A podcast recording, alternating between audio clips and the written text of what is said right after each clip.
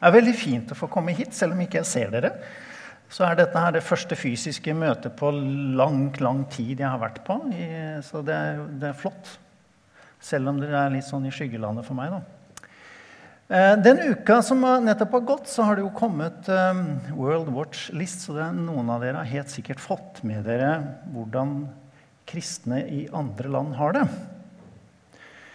Uh, skal vi se Hva er det vi får opp der, da? Ja. Um, I fjor så ble 16 kristne drept fordi de tror på Jesus hver eneste dag. Hver dag ble 40 kristne hjem brent eller ødelagt. Hver dag ble ti kristne urettmessig fengsla. Hver dag 14 kirker angrepet, stengt eller ødelagt. Og hver time en kristen kvinne voldtatt fordi hun er kristen. Det er helt ekstremt. Og går du på enda mer tall, så Det er 360 millioner kristne som lever i land og områder der de blir utsatt for stor eller ekstrem forfølgelse. Det er hver syvende kristen. Kan man skjønne et sånt tall? Det er Det går jo ikke. Men dette her er jo enkeltmennesker, sånn som deg og meg. Og fordi de tror på Jesus og ikke vil frasi seg troen på Han, så opplever de helt forferdelige ting. Samtidig så er dette her enkeltmennesker som vitner vitner om at troen på Jesus er så ekstremt verdifull for dem at de er villige til å stå i de lidelsene. Lea er et eksempel. 14 år gammel ble hun kidnappet av Boko Haram nord i Nigeria sammen med 110 andre jenter. Jihadistene slapp fri alle som var muslimer. Og Lea var den eneste som var kristen. Og hun fikk valget om å konvertere til islam og bli satt fri sammen med de andre. Og det valget ville hun ikke ta, for hun ville ikke gi slipp på sin tro. Så hun ble holdt fanget. Hun er tvangsgiftet med en av kommandantene i Boko Haram og har fått et barn. Etter åtte måneder i fangenskap så fikk hun smugla ut en lapp til familien sin. Og der skrev hun Mor, jeg stoler på at jeg en dag skal se deg igjen. Hvis ikke det skjer her, så skjer det i fanget på vår Herre Jesus Kristus. 14 år å bli utsatt for noe så grusomt. Og 14 år å ha en sånn tro og en sånn overgivelse til Jesus. Det er nesten så du ikke kan ta det inn. Hvorfor forfølges kristne? Det fins utrolig mange drivere, nasjonalisme. Det fins sånne eh, psykopatiske dik diktatorer som forfølger alt de kan greie å forfølge. Så det er mange forskjellige årsaker. Men vi kan ikke komme utenom at dette her også handler om en åndskamp. Vår kamp er ikke mot kjøtt og blod, men mot makter og åndskrefter mot verdens herskere i dette mørket, mot ondskapens ånde her i himmelrommet. Og det må vi, som er kristne, i hvert fall forstå for å skjønne hva som skjer, og kunne greie å forholde oss på en god måte til det.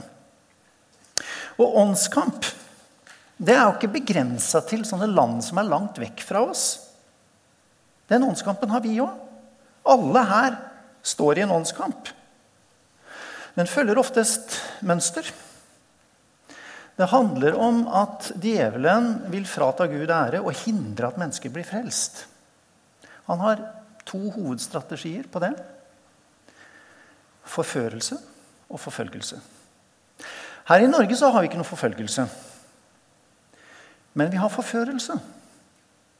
Og hvis forførelsen fungerer, så er det jo ingen grunn til å komme med forfølgelse.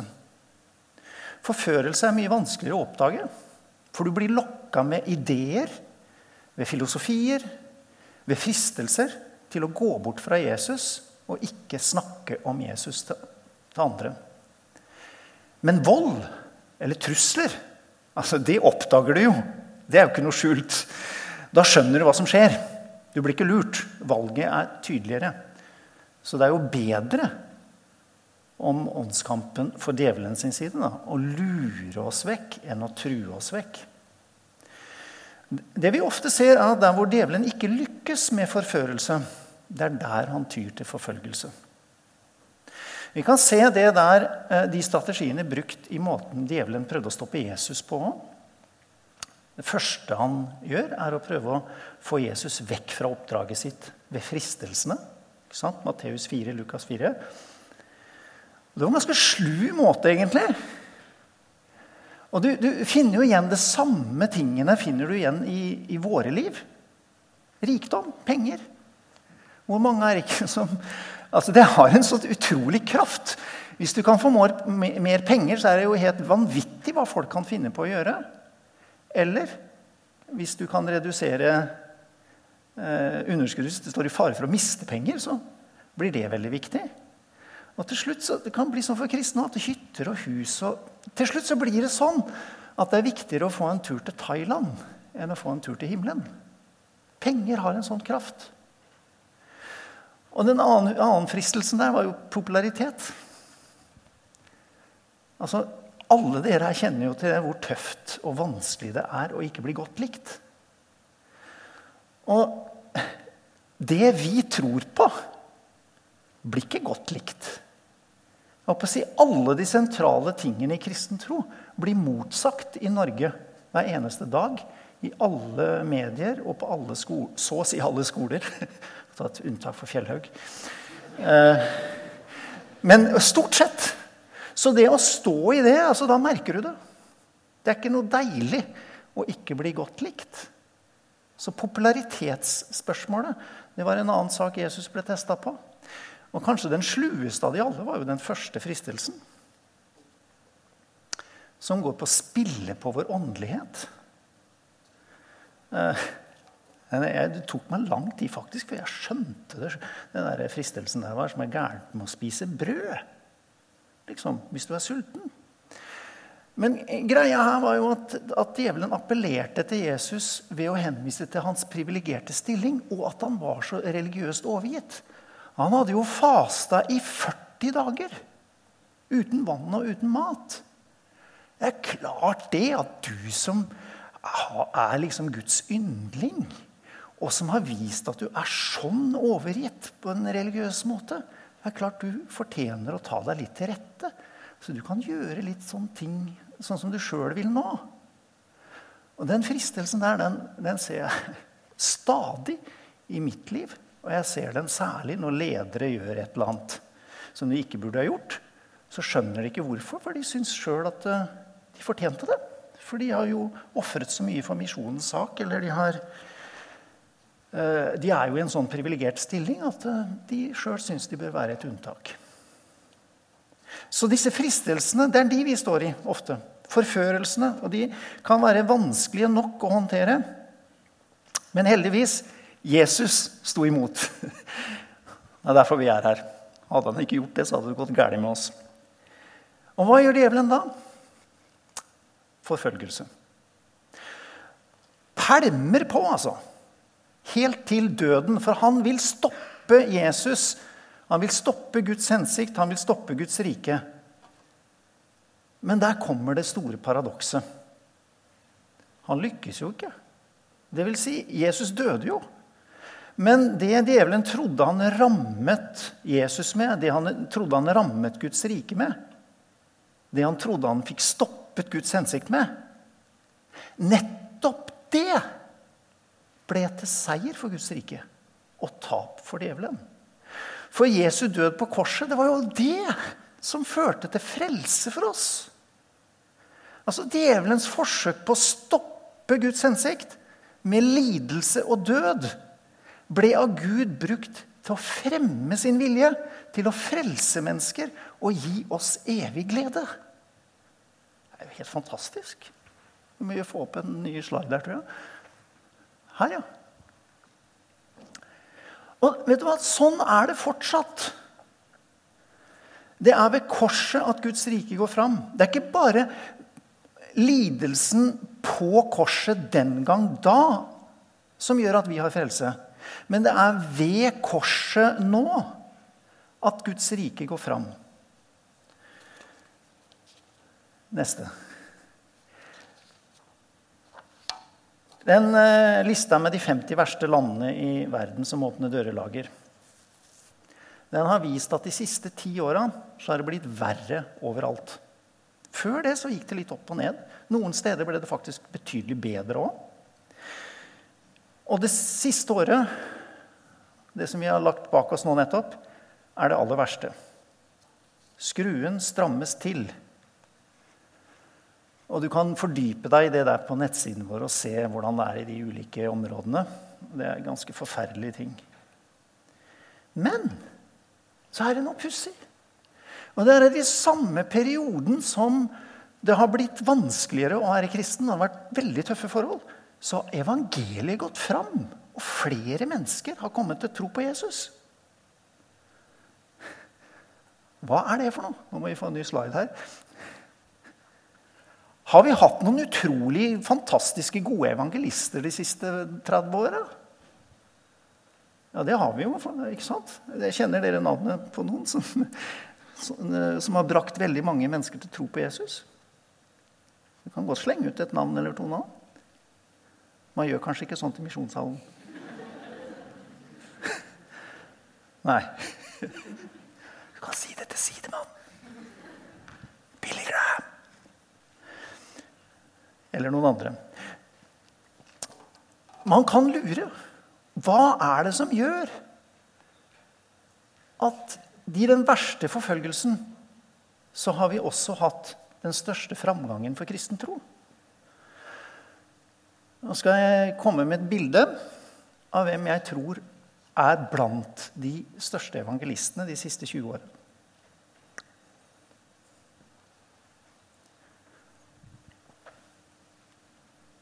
Det er ingen som sier noe nå heller? Nei. Ja, Dere ser hvem det er. Jeg har ikke lyst til å si navnene på dem engang. Og hvis noen fikk, var det noen som fikk, ble overraska her Nei. Det var ikke noen som ble overraska heller. Det var meninga at du skulle bli overraska, faktisk. Men eh, sånn er det. Når man ikke kjenner sitt publikum, så kan man jo gjøre noen bommerter. Poenget var faktisk at jeg skulle gi dere et lite sjokk. Men for, det, for jeg fikk sjokk, nemlig. Eh, ta det bort. Jeg har ikke lyst til å se på det engang. For to år siden så satt jeg på Kaffistova her i Oslo sammen med en liten dame fra Irak. Hun går under dekknavn fordi hun eh, står i fare for å miste livet sitt pga. hva hun gjør. Hun reiser rundt i Irak og forkynner evangeliet og danner små grupper. Og etter hvert har de blitt store grupper. Og Jeg hadde hørt litt rykter om henne, så jeg var veldig nysgjerrig. For hun måtte flykte og måtte være her for å hvile og komme vekk fra truslene hun var utsatt for. Og så spør jeg hvor mange menigheter er det du leder? 240, sier hun. Det er, ikke, det er ikke mulig. 240 menigheter?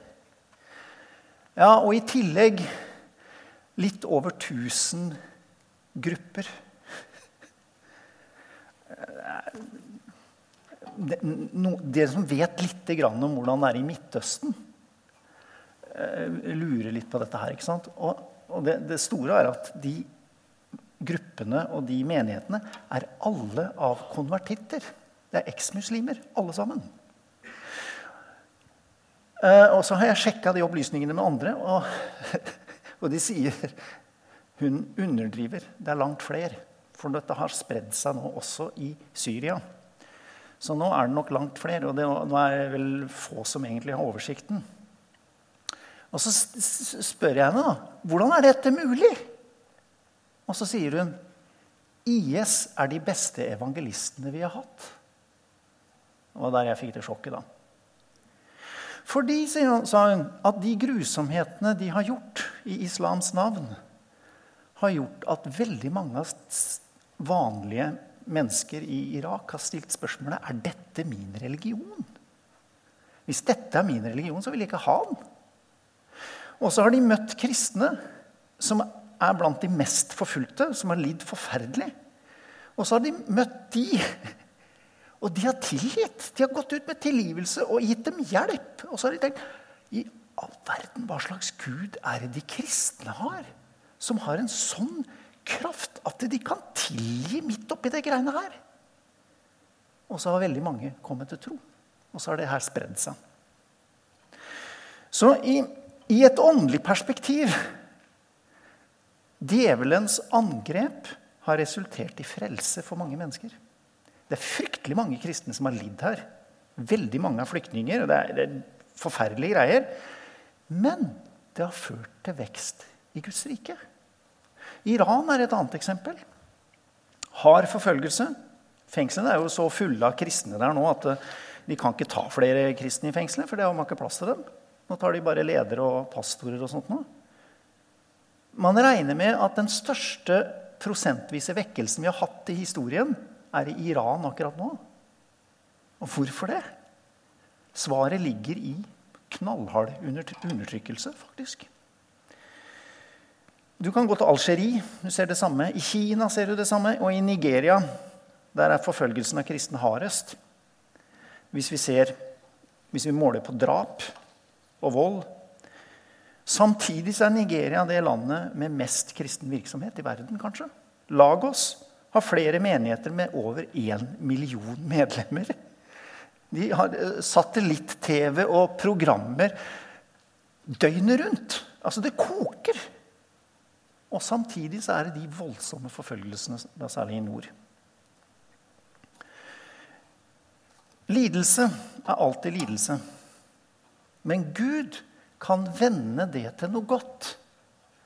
Sånn som korset ble brukt til Guds ære og menneskers frelse. Sånn kan Gud gjøre det nå òg. Både i det store bildet og på det personlige bladet. Husk Josef. Brødrene banka han opp. Hadde egentlig tenkt å drepe han, men så solgte de ham som slave isteden. Så blir han satt i fengsel for noe han ikke har gjort. Altså, Han lider i mange år. Og så vender Gud det. Så han berger livet til tusenvis av mennesker.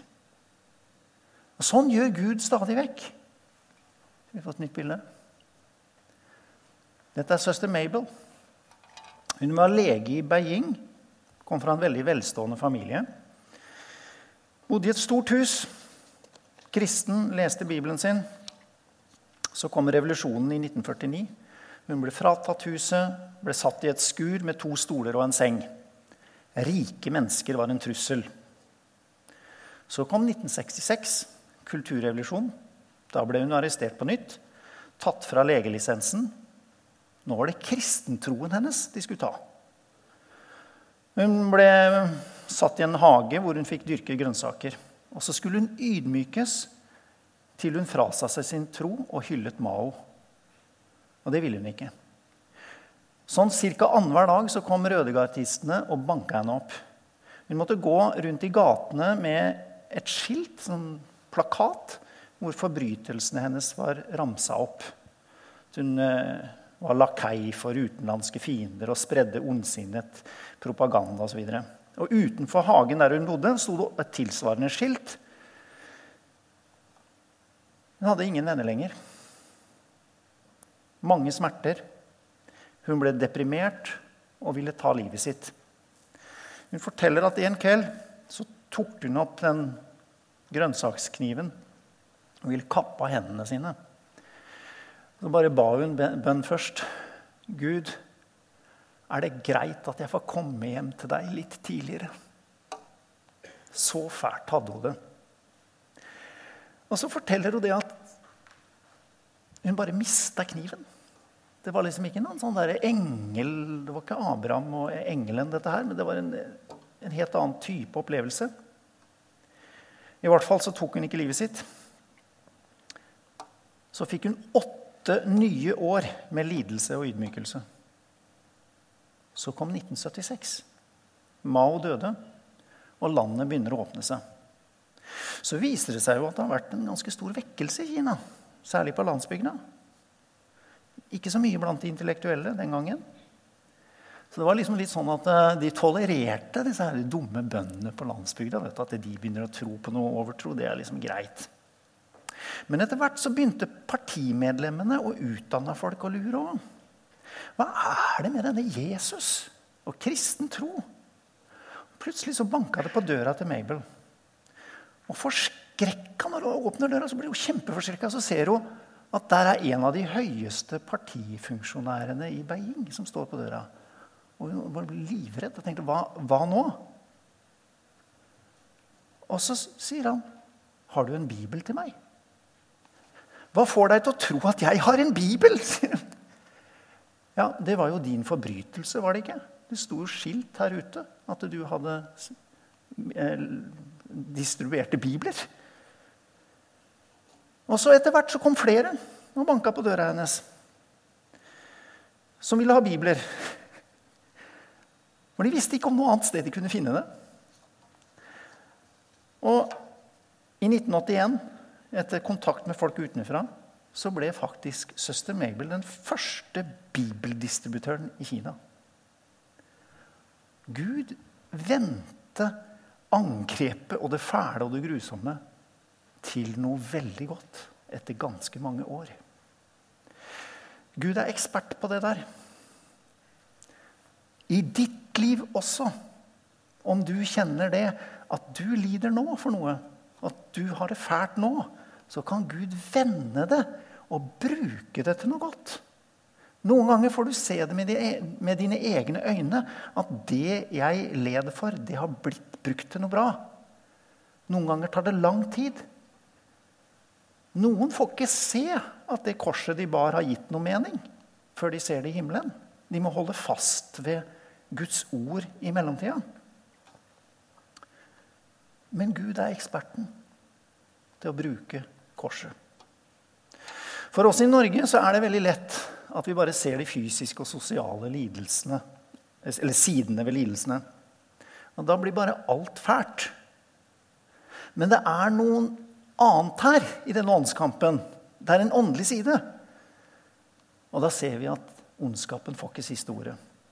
Det gir oss håp. Nytt bilde. Men disse lidelsene, de er jo reelle. Og de som lider Neste. Det er våre brødre og søstre. Når ett lem lider, da lider hele legemet. Så dette må vi gjøre noe med. Neste. Eh, dere er godt kjent med de fire b-er. Her skal dere få en ekstra. I en litt annen setting. Bønn! Mange av disse menneskene kan vi ikke nå på noen annen måte enn å be. For det er ikke mulig å komme inn til dem. Gjør dette i bønn og legg alt fram for Gud, leste vi til å begynne med. Be alltid i ånden, våk og hold ut i bønn for alle de hellige. Be. Og vær til stede når du kan. Besøk. En utrolig oppmuntring. En kjempeoppmuntring. Sende brev. Jeg hørte om Miriam i Iran som hadde kampanje. Å sende brev til henne. Hun satt i fengsel i to år, isolert. Hun fikk ikke noen av breva, for den ble jo tatt av fangevokterne. Men hun hørte en fangevokter kommentere til en annen om hvor mange brev hun fikk. Og når hun slapp ut, så sa hun at det oppmuntra meg så mye at det holdt meg oppe. At det var folk utenfra som visste om meg, og som ba for meg, og som brydde seg om meg. Stor betydning. Og gi, selvfølgelig. Nå under covid-19 så er det noen steder sånn at kristne ikke får hjelp fordi de er kristne. Så kan vi gå inn og hjelpe de likevel. Via de kanalene vi har. Og bibler Det er helt utrolig. Bibler, hvor stort behov det er for det. I Kina nå så begynner det å bli vanskelig. Nå er det forbudt å laste ned bibelapper fra neste måned. Eh, Vi arrangerer turer. Det er sikkert en del av dere som har vært med på sånne turer. Smugla bibler. Er det noen som har vært med? Det er veldig moro. veldig spennende. Eh, og viktig. Neste. Men det er ikke bare én vei denne kroppen fungerer. Det fungerer også sånn at når vi involverer oss i å hjelpe de som lider, så skjer det noe med oss sjøl. Jeg har merka at mitt liv med Jesus blir fornya. Fokuset for livet mitt blir skjerpa. Jeg blir skjerpa så jeg ikke blir dratt bare ned i den materielle gjørma som vi har her i Norge. Jeg blir jo frista, jeg òg, som bare den. Men jeg kjenner at kontakten med de forfulgte kristne gjør meg mer fokusert. Forfølelsene får ikke like lett tak fordi jeg blir inspirert av de forfulgte. Jeg blir utfordra av dem, jeg blir korrigert av dem. Så det er ikke bare de som får hjelp fra oss, men vi får hjelp fra dem. Egypt, f.eks. Jeg vet ikke om dere husker det, men eh, det var jo eh, Mursi han tok, tok og fikk makta ved demokratisk valg fra det muslimske brorskapet. Og så kom general Sisi og tok det fra han igjen. Og da var det en gruppe eh, fanatiske muslimer som gikk til angrep på de kristne. 70 kirker ble bomba og brent. Det er bare noen få år siden. Og Det de håpa på med det, var at de kristne skulle ta til våpen og krige tilbake. For da ville de rett og slett bli utsletta. For de kristne er jo langt færre enn det store flertallet muslimer. Og da ville de fått med seg også de moderate muslimene i dette her. da. For de hadde den der merkelige tanken at grunnen til at general Sissi tok makta, var at Mursi ikke var tøff nok med de vantro, dvs. Si de kristne. Så Allah straffet dem fordi de var for milde med de vantro. Og ga da makta til generalene. Så de trodde at ved å angripe de kristne så ville Allah på en måte bli blid igjen. da. Kan du tenke en sånn tanke? Det er jo helt vilt. Det er ikke flertallet som tenker sånn, da, men de var jo mange nok til å greie å ødelegge 70 kirker. Men det de ikke regna med, var jo hvordan de kristne responderte på det. For de tok ikke igjen. De gikk faktisk ut i media og sa det at 'Vi tilgir dere'. Det er ganske ukjent i Midtøsten. altså. Det er bare de kristne som driver med sånt. De andre driver med noe annet. Og så sier de for oss er livet til en muslim mye mer verdifullt enn steinene i en kirke. Og det, det sjokkerte befolkningen der.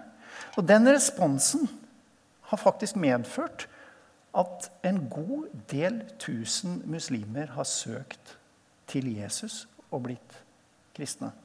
De må leve i hemmelighet, de fleste av dem. Men også det angrepet der har ført til at flere har kommet til tro. Og de laga, eh, de laga en musikkvideo midt oppi dette her. Den skal vi se nå. Og den skal jeg avslutte med som en inspirasjon.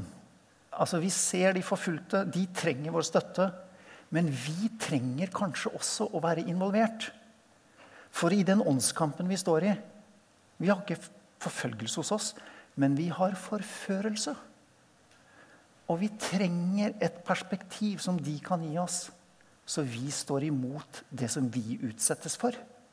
Så vi kan være en sterk kirke som ber, for det trenger de som er forfulgt. Nå avslutter vi med den filmen.